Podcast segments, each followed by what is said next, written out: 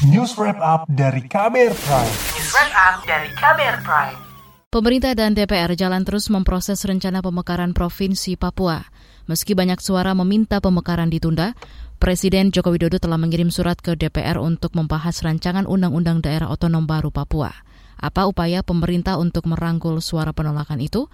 Berikut laporan khas KBR yang disusun jurnalis Mutia Kusuma Wardani. Saudara pemerintah dan DPR terus mengkampanyekan pentingnya pemekaran wilayah Papua dengan rencana membentuk tiga provinsi baru. Rencana pemekaran itu makin kuat setelah sidang paripurna DPR pada 12 April lalu menyetujui tiga rancangan undang-undang pembentukan provinsi baru di Papua sebagai usul inisiatif DPR. Tiga provinsi baru yang akan dibentuk adalah Papua Tengah, Papua Selatan, dan Papua Barat Daya. Menteri Koordinator Politik Hukum dan Keamanan Mahfud MD mengklaim Mayoritas masyarakat Papua setuju rencana tiga provinsi baru di Papua. Dan berdasar kepentingan, di Papua kita mengabulkan untuk tiga provinsi. Eh, Papua Barat justru minta agar juga dimekarkan. Nah, kalau ada yang setuju tidak setuju ya biasa. Eh, hasil survei yang dilakukan oleh Denan itu malah 82 persen rakyat Papua itu memang minta, minta mekar gitu. Mahfud MD menambahkan meski pembahasan RUU dilanjutkan, namun pemerintah menghargai proses hukum uji materi Undang-Undang Otonomi Khusus Papua yang saat ini masih disidangkan di Mahkamah Konstitusi. Klaim pemerintah itu dipertanyakan Majelis Rakyat Papua atau MRP dan DPR Papua. Ketua MRP Timotius Murib mengatakan, rencana pemekaran itu tidak melibatkan aspirasi masyarakat dan tidak didasari kajian ilmiah. Timotius Murib meminta rencana pemekaran ditunda. Majelis Rakyat Papua mempertanyakan uh, penyampaian daripada Bapak Menko Polhukam terkait dengan 82 persen aspirasi. Ini kajian dari mana, kajian kapan dilakukan, dan siapa yang lakukan kajian itu? Sementara itu DPR Papua menuding rencana pemekaran wilayah hanya demi kepentingan elit politik.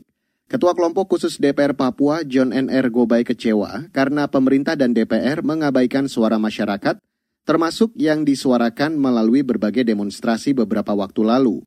Menurutnya, pemekaran wilayah bukan solusi mengatasi masalah mendasar di tanah cendrawasi.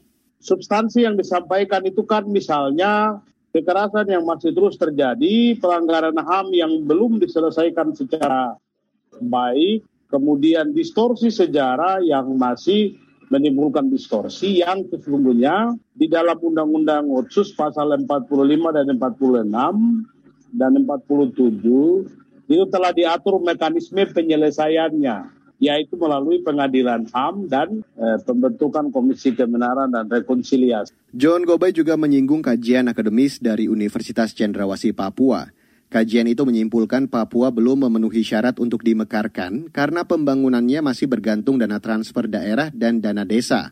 Artinya masih belum mandiri secara finansial. Sejauh ini pimpinan DPR mengklaim bakal mempertimbangkan aspirasi masyarakat yang menolak pemekaran.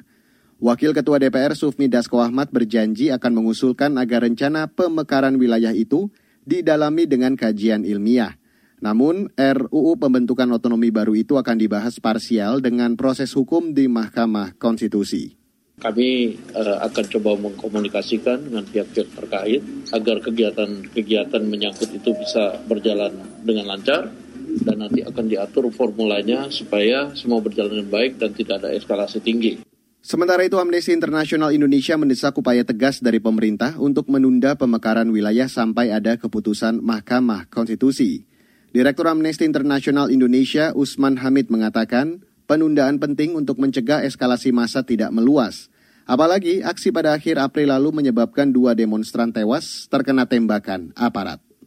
Ya, dua-duanya. Kesalahan pendekatan dan kesalahan mencari tahu akar masalah. Hmm. Pendekatan yang salah yang saya maksud adalah misalnya mengamandemen Undang-Undang Otsus tanpa mempertimbangkan usulan rakyat Papua melalui DPR Papua dan Majelis Rakyat Papua sebagaimana yang diatur oleh pasal 77 Undang-Undang Otsus nomor 21 tahun 2001. Direktur Amnesty International Indonesia, Usman Hamid menambahkan, pemerintah harus mengedepankan dialog dan mendengar aspirasi masyarakat untuk mengatasi masalah-masalah mendasar di Papua.